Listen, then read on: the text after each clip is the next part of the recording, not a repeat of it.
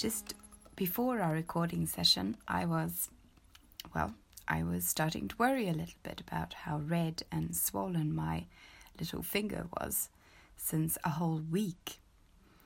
Um, my baby daughter had to get antibiotics for something that looked similar just a few months ago. So maybe this was serious.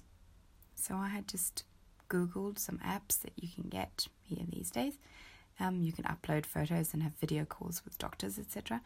And I was reading some reviews to check which one to get. This was good, someone said. I panicked about some birthmarks and got a response in 20 minutes. Birthmarks. Suddenly, I'm having a minor disintegration of sorts. I'm frightened. I'm sad. What if I'm going to die now? I don't want anything. I'm sick of everything. I've had it up to here. I'm afraid. I'm sad. Oh, it's it's grief. I think I'm I'm grieving my own mortality.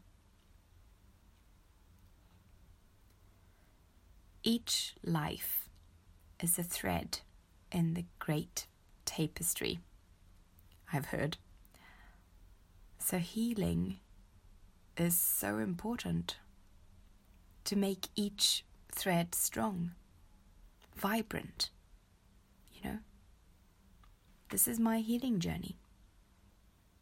I get to go through, to face, to embody, maybe each episode's concepts, like a student of Somatic Philosophy 101.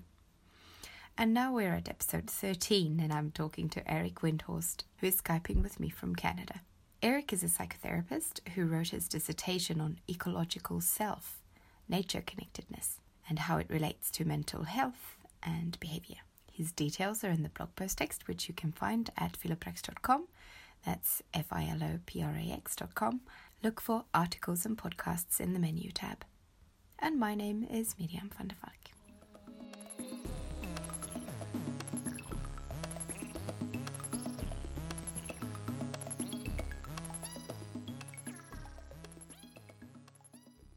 Trying to understand what somatic philosophy is, um,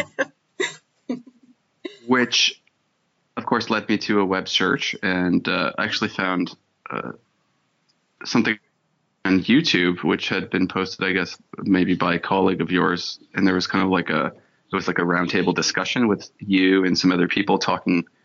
I think it was back in May about what is somatic philosophy.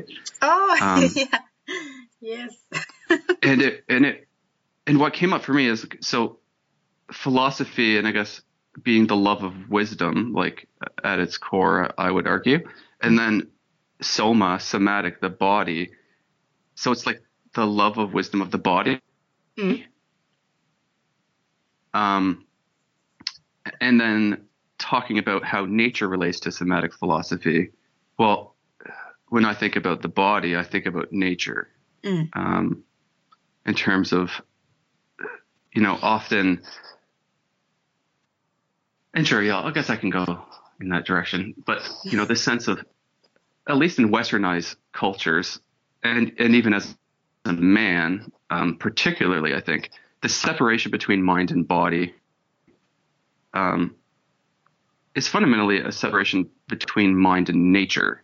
It doesn't actually exist. That separation does not exist. We can't mm-hmm. tear these things apart. But that is the lived experience very often. Um, at least for most of my life. And my journey towards personal wholeness, um, towards healing of, of various splits in my own life, has been a journey of integrating back into the wisdom of the body. Mm. And not just my body, but the flesh of the world. Mm. Yes. The, the, the, the, the, the body of, of the planet, the body of the earth um, and I'm not sure if we can ever really, you know, create a boundary between a person, a person, a person's mind, and and the rest of their their existence. Mm.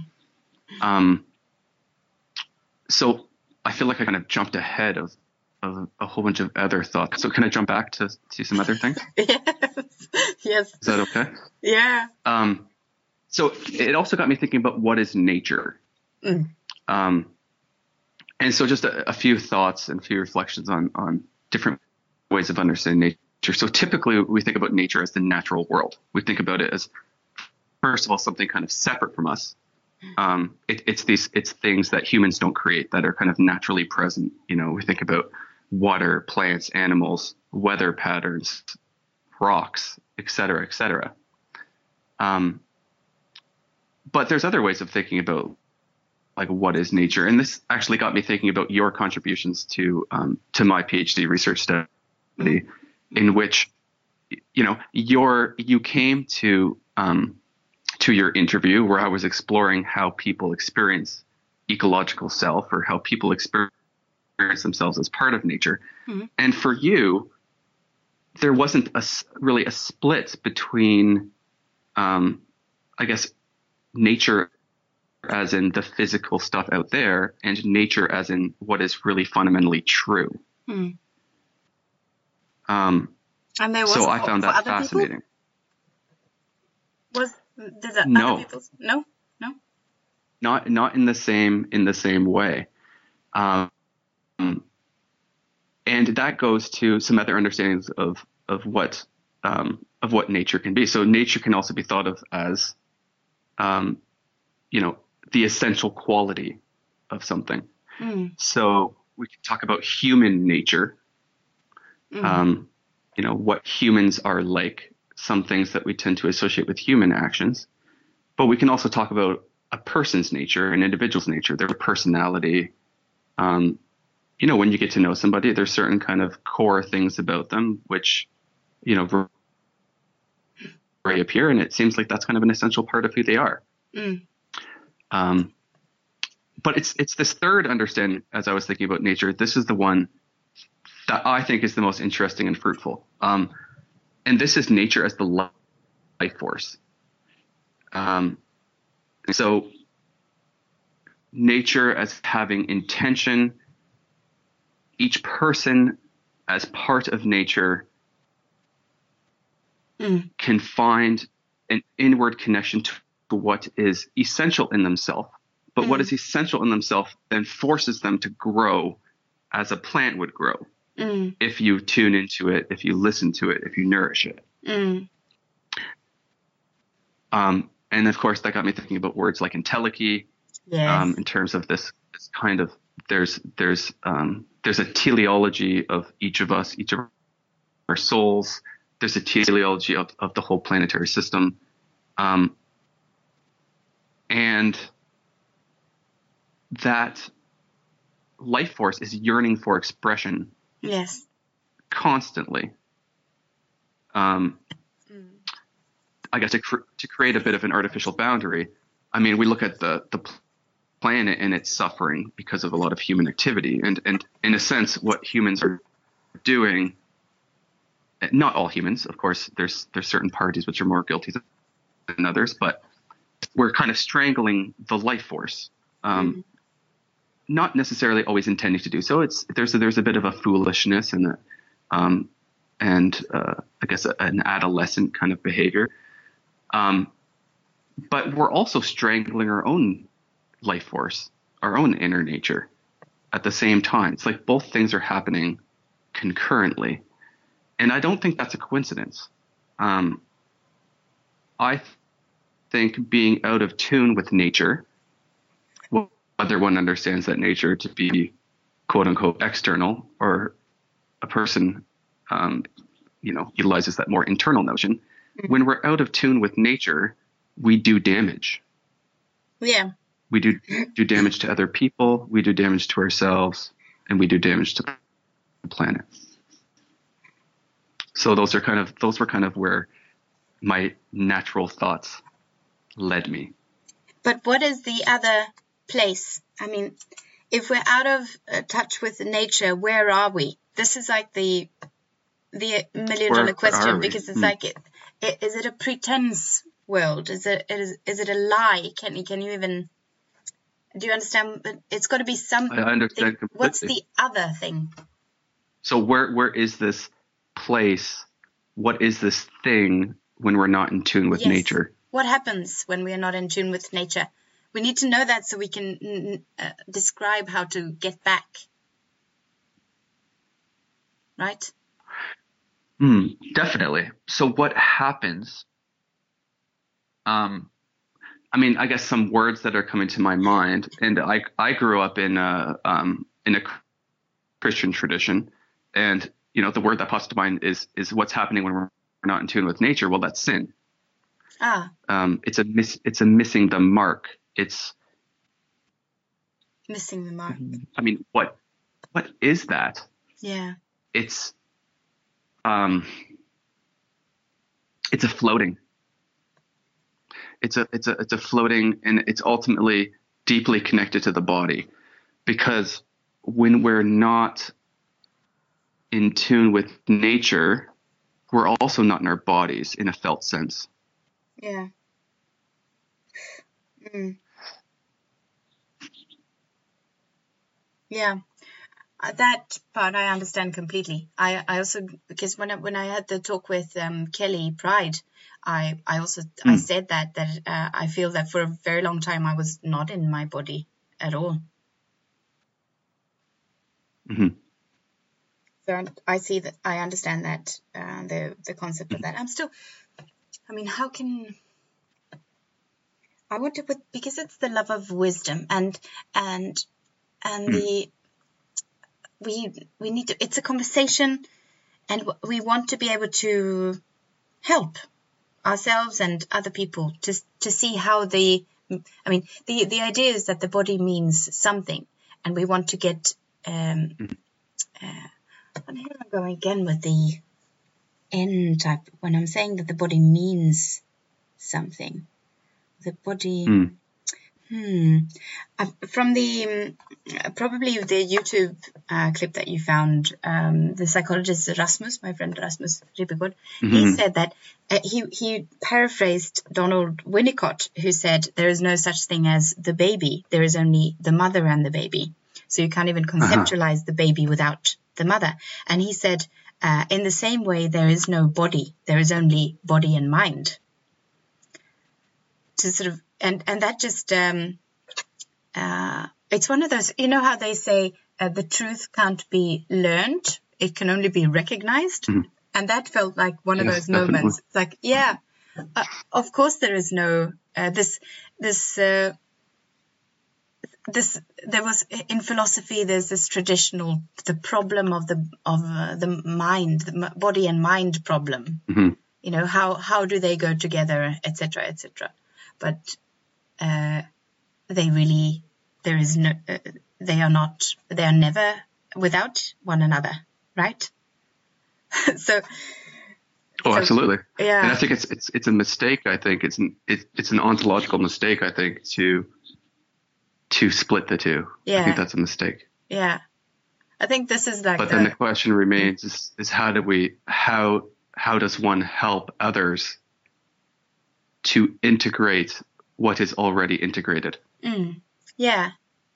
When we have turned in in in sort of um, in religious terminology, I don't know how else to put it. It's it's easier to have to show to have metaphors for what's happening. Like in uh, I think in Kabbalah they say that uh, we were born we were born um, a distance away from God, and our faces turned the other way so that we would ourselves turn our faces to God again and start walking. Because this is uh, free will. If we had been born just like in in God's um, arms, you know, it would have been would have been too easy to.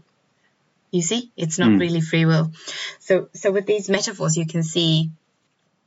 Uh, you or I mean, I for me, it's I can I can see what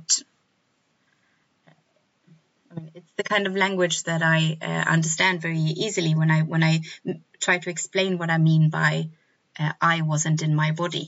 because it's it sounds like a weird thing Mm. to say for I wasn't in a, my body. Of course, I was always in my body. You know? Yeah, but the, the kind of experiential sense was that you were disconnected from your body and from nature. Yeah, and the bo- and that the body was something I have uh, and not that I am. Hmm. Yeah, and it, it's interesting when you shared that um, that religious metaphor from the Kabbalah because it, I guess where my mind went is, can we ever really turn away from God, Yeah. or do we just or do we just think we have?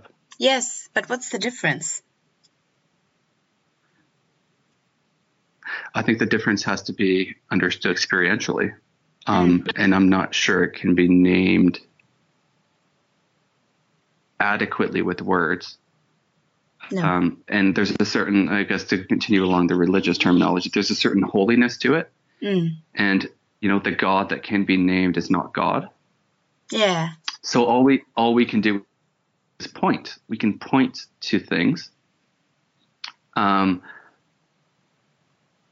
and in my, you know, in my work uh, as a psychotherapist with, with clients, in which my fundamental metaphor that I work out of is a sense of helping clients reclaim or perhaps for the first time experience their true nature. Mm. And I could talk and talk and I could provide all of this, uh, all these words, all of these ideas. Yeah. But in order for another person who has lost access to Mm. their their inward nature to find that back, there needs to be uh, feeling that that that you're being seen. Um, it's it's it's almost if I can be in tune with my nature and create a presence in which which is safe and welcoming, it allows that other person through mirroring, through um, through being seen and, and heard and hopefully understood, somehow mysteriously in that process, which I would argue is is predominantly a nonverbal communication. It's happening at an unconscious, um, bodily, um, uh, I guess level. Mm. Over time, there's there's kind of a, a that that person's felt sense of of who they are. They become more congruent with with what is actually within them. Mm. Um, but that's not something you can't give a person a, a, a six step plan to get back to nature. Mm. Um, and it, it, it reminds me of a story uh, in a book I was reading on, on psychosynthesis, um, where where there's a story of a psychiatrist working with um, working with a client who was really struggling. Um, and I'm trying to think of what, what the diagnosis was. Um, I, I think it, I think it was a person um, who had been diagnosed as, as being on the autism spectrum, Mhm. and that person was having a really hard time connecting with others, and um, and no intervention, no um, no words seemed to get through to this to this child, to this person. Mm. And but what did get through to them was something spontaneous, where the psychiatrist dropped his pencil, Mhm. and it just kind of happened, and and the psychiatrist asked asked the boy to go pick it up, and and for some strange reason, that kind of spontaneous act that wasn't planned suddenly created a connection. Mm. Um, but but the ironic thing is, then other psychiatrists tried to kind of make this happen with other clients, and it, it didn't work because it there's a spontaneity and a naturalness necessary um, to to really invite connection. Yeah. And this naturalness and spon- spontaneity, that is the uh, the presence without the mask and the presence where you are Yes. looking in the same way. And you were talking about, uh, you said being seen, uh, but it it's they are seen because you can see, and and it's not just um, uh, you. Maybe you you um, you can you turn on your own seeing by being seen. I'm thinking like a newborn baby. Oh, wait a minute. When um uh, Hmm. I have a one year old and when she was born she she it was like she could see immediately. She just like uh, I'm uh, I'm not sure about that now. If you need like to be turned, to, you need your own seeing to be turned on by someone else, but maybe. But anyway, when you talked about the Hmm. that you need to be seen, that's what I was thinking. The it's because you could see. So this uh, this is the way it it becomes a, um, uh, like a chain reaction or something. When you are when you see yeah, another what person, happens. yeah, they in being seen they can also develop their own seeing. Uh, Mhm. And and nearly all of that, all of that quote unquote process, that that chain reaction is not happening in the mind, in Yeah. in the way that we think about it. It's happening everywhere. precisely. It's happening in in the relationship between these two bodies, but it's happening in the very setting that is taking place. It's happening in my consciousness if I am kind of centered into my nature. Mhm. Um, all of these kind of factors, you know, the, the consciousness that we bring to places and to settings, um, then affects what is possible in those settings. Yeah, this that's exactly how it is. Yeah, that's why it's so important to to follow this Delphian maxim: "Know thyself." Mm-hmm. Mm-hmm. And do you know what a great way to know yourself is? No, Um, going out into outer nature. yeah, yeah, and and there's a paradox to it in that um, when and I'll I'll talk from my own um, experience. Obviously, that's all I can really do, but Mm. um, I'll talk kind of my from my own lived experience. And and when I go into nature, and when I did go into nature, particularly when I was disconnected from my nature, and I'm using the word profusely, and I apologize for that, but um, because it's confusing. Um, but I felt seen.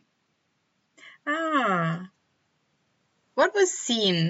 What was the you? Who was the you that was seen? Was it like your psychological history uh, that was validated? No, I mean it was. It was more like um, the No. little spark in you that was. It's like being held by your mother. Yeah, yeah, It was like being held by my mother and her reflecting back. I mean, going back to, uh, I guess, the Winnicott example of mm, reflecting back to me the parts of me which I don't see. mm, But then, then that raises the question is, what am I? yeah, Um, and I'm a f- yeah. That's it's it's it's making me think about and I guess I'm I'm going to shift the the words I'm using to try to explain. Mhm. It's as if going into nature, going into the the expansiveness of the world, going out into spirit, if you would if you want to use that term, the bigness and the vastness, yeah, reflects back my soul. mm, My soul being basically part of the spirit, but my own unique manifestation of of, of that. mm, So when I when I'm in tune with with my soul, when I'm in tune with my inner nature, all of nature's right there. Mm. Everything, space, time, the whole expansiveness is there. When I go out physically out into a natural place, the same process happens, but almost in the opposite direction. I'm in I'm in this expansive place and it brings me back to my soul. Yes, it does because it brings you to your your feet on the ground and and uh, the your skin with the air on your skin and is do you Mhm. see what I'm saying? Like your your senses in in you can al- you feel yourself much more in uh, in nature. Yeah, and, and or is nature feeling me? Yes, someone is fe- some yeah yeah. This is so interesting. This one the the oneness and the separation. I love that. And It's mhm. yeah, it's this eternal. I guess maybe I'll get a little bit closer to it, but it's this eternal paradox of that that we are all one and we're all separated. You know, that it's both are oh, true. totally. Mm. And and when you lose one half of that connection, um, whether you lose yourself, like in terms of that isolated ego part, if you lose yourself to to the vastness, Mm. that that can be very overwhelming and and unhealthy. Mm. It can be unbalanced. But if you lose if you lose the vastness and you're and you're stuck in the small self, that's equally problematic. Um, and I would, from my observations and, and from from my experience, it seems like culturally in in westernized cultures, and I mean the Swedish context is is I'm sure different than um, the you know Hamilton, Ontario, Canada context Maybe. um, and and experiences are, are somewhat different in terms of if we think about gender, uh, socioeconomic status, life experience, all of these kind of factors that shape that individual I. Mm. Oh, yeah. Um, but I think so many of us are stuck in that isolation, that individual I, and we don't know what to do. yeah. Um, hmm. And that is when it feels like you are when your your face is turned away from God. That's all you see is the not God, even though God God is everywhere, of course. But uh, and that is a place of uh, hopelessness. And this is, of course, what um, like these meditation practices and yoga and everything is trying to um, help today's people with, you know, and you know, historically help lots of other people, but it's very uh, mainstream right now. So help people connect with the oneness of everything. But I'm wondering if it's, uh, I mean, yeah, maybe the, yeah. So sometimes when I'm when I'm stuck in when it's when I'm stuck in my head and it's sort of I have vo- voices fighting in my head and I, I'm like full of full as in after a big meal. There's too much right now to Mm. digest. Uh, that happened the other day, and then I just figured I need to go to the gym.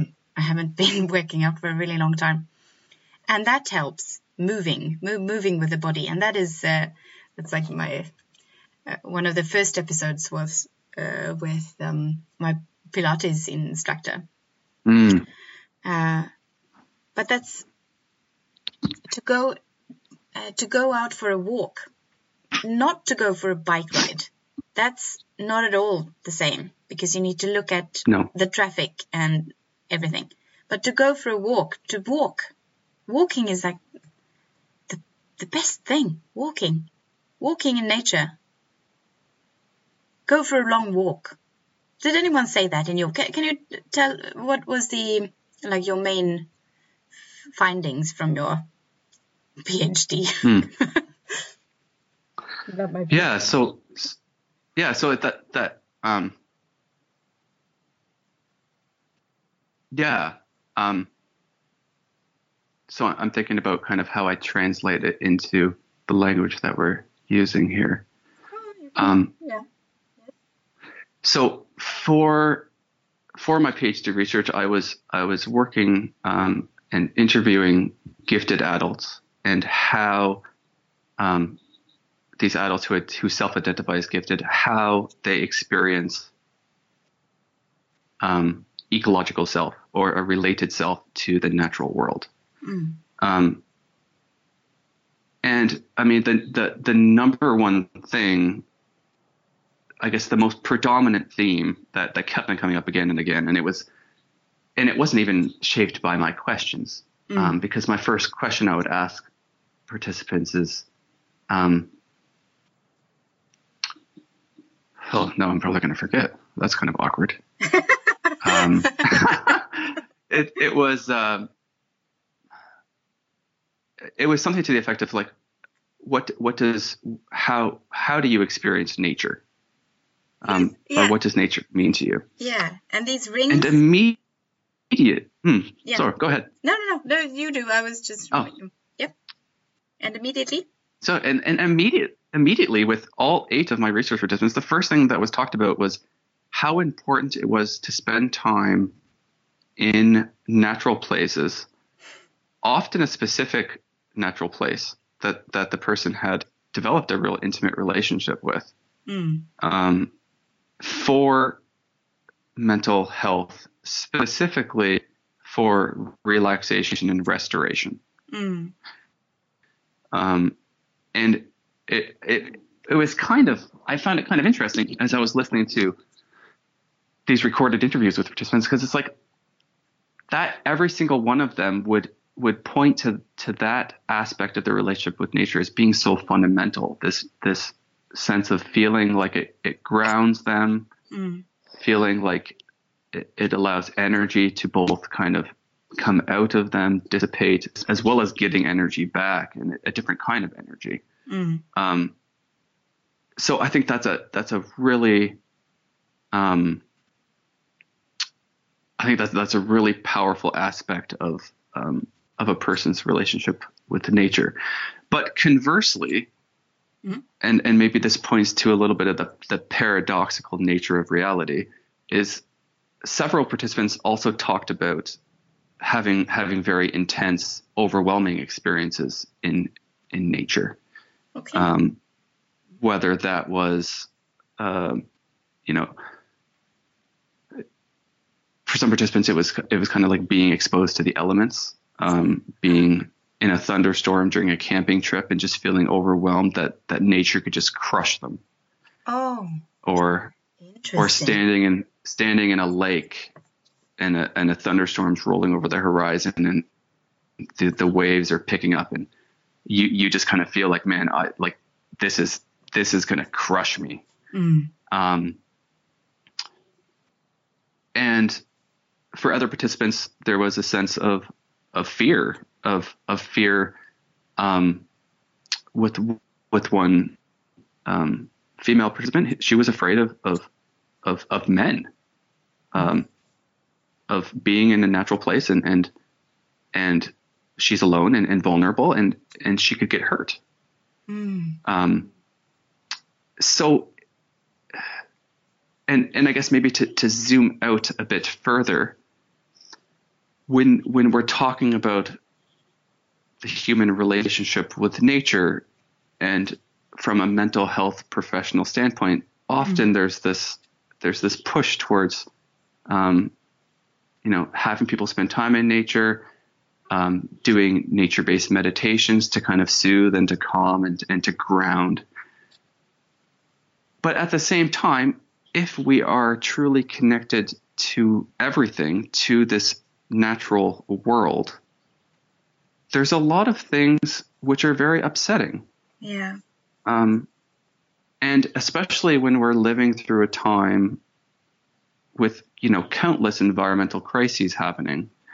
Um, of course, climate change is, is on many people's mind and concerns over, you know, what is life going to look like, you know, 10, 20, 30 years from now. And so there's this, I find there's this paradoxical connection between spending time in nature and, and getting connected with my own inner nature and feeling a sense of groundedness and calmness, Mm. but at the same time, at maybe at different moments in time, that openness is also dangerous. It, it opens you to to it opens your boundaries and makes them mm-hmm. more permeable to feeling pain. Yeah. Uh, um, oh, yeah, hmm. yeah. Yes. and you know the pain of the pain of nature outer nature suffering just to split it into the binary but if we really tune in with our inner nature there's often suffering too Mm. um, and it's it's I and I don't mean the word suffering as in it's bad. Um, I think suffering is natural. Um, it, it doesn't always feel pleasant, and yet when we sit with the suffering, Mm. It transforms itself. When we don't turn away from God, when we don't turn away from suffering, we we meet we meet something which is indestructible, um, and something which can hold that tension between, you know, relaxation and intensity, ecstasy and agony, um, the wholeness, um, both sides. Um, and I think we do a disservice to nature um, when we try to hold on to one half. Mm. Yeah, tell me And more I'm really about not sure if that made any sense, but it sounded good in my brain. Yes. Tell me more about how you use the word suffering. You said suffering is natural, and then you said when you turn away, would you, you do yourself a disservice when you turn away from suffering, when you turn away from God? How how is suffering? Ah. Yeah. What what does the suffering? Does it mean grief? Does it mean is it the kind of suffering like in that Swedish poem that you haven't heard because it's in Swedish? But it goes of of course it hurts when uh, buds break. Why else would spring hesitate?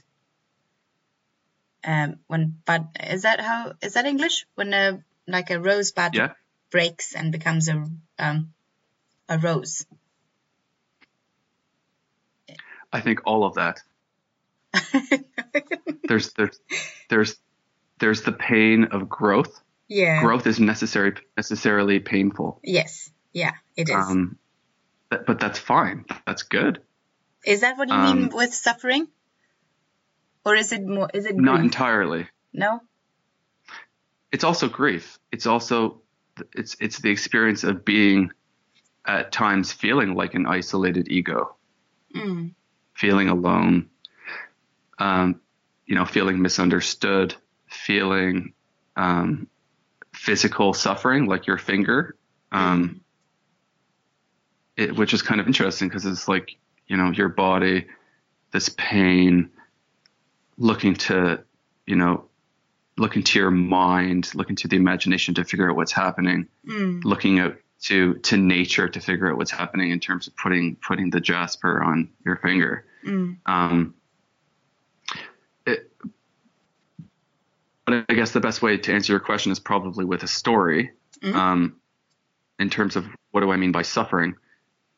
It's the it's it's the fundamental, uh, you know. And I'm not I'm not a Buddhist, but I often kind of um, appreciate a lot of Buddhist insights and wisdom. But you know, the idea that that kind of life is is suffering. Mm. Um, and a, a metaphor I often use with my clients is, you know, we're all struck, we're all kind of stabbed with first arrow of suffering. Mm. It's it's the suffering of of being human. But what most people do is they try to avoid that, and by doing so, stab themselves with another arrow. Oh. Yeah. um, not realizing that avoiding the suffering of that first arrow is actually the cause of even greater suffering. Mm. When I when I'm listening now, I'm thinking about. Uh, I, d- I don't I don't really feel the word suffering in this. I maybe it's just a mindset thing. But I have a um, I've been reading some books, so I I am uh, slightly you know when I find a, a book that I like, I borrow five other books by the same author, and now I'm reading number Uh-huh. five out of this. So so it's uh, it's this. Um, and one thing that comes up in these books is, for instance, um, blockages and chakras, and it's like a shamanism. Alberto Villoldo is his name. Aha. Yes. Uh, and he has a story about grief. And I, I've, uh, when I read it, I was like, oh, that's, I have that. I have that problem with grief and the heart chakra. I should, that's where I need to work. And some other places too, for your information. But there was one, one place that I'm thinking about now. And, and he, the way he, he wrote about it was that he was once in the Andes with some shaman person, and and they uh, stayed in this hut overnight, and there was this woman who was going to take a three month old baby to the doctor in some other village, and who was trying to sort of nurse the baby through the the night, and then in the morning they discovered that the baby had died, and they buried the baby, etc. And several days later, um, the the author uh, was still very upset about this and was crying and walking around, help trying to do something and walking, working in the fields, but was very upset. And then the mother of the baby came to him and, said, "That's enough. You need to stop now. The baby is fine." Hmm. Mm. And the way he talked about that was that the he said that the grief is kind of egotistical. Like it's such a, a drama that you create for your own ego. You know how horrible this Mhm. situation was. Isn't that interesting? I, I think it's fascinating. Mm. Fascinating, huh? Such a different way of seeing it. I'm still quite moved right now, too. I haven't finished thinking about it. But I'll stop talking now. Turn on part two.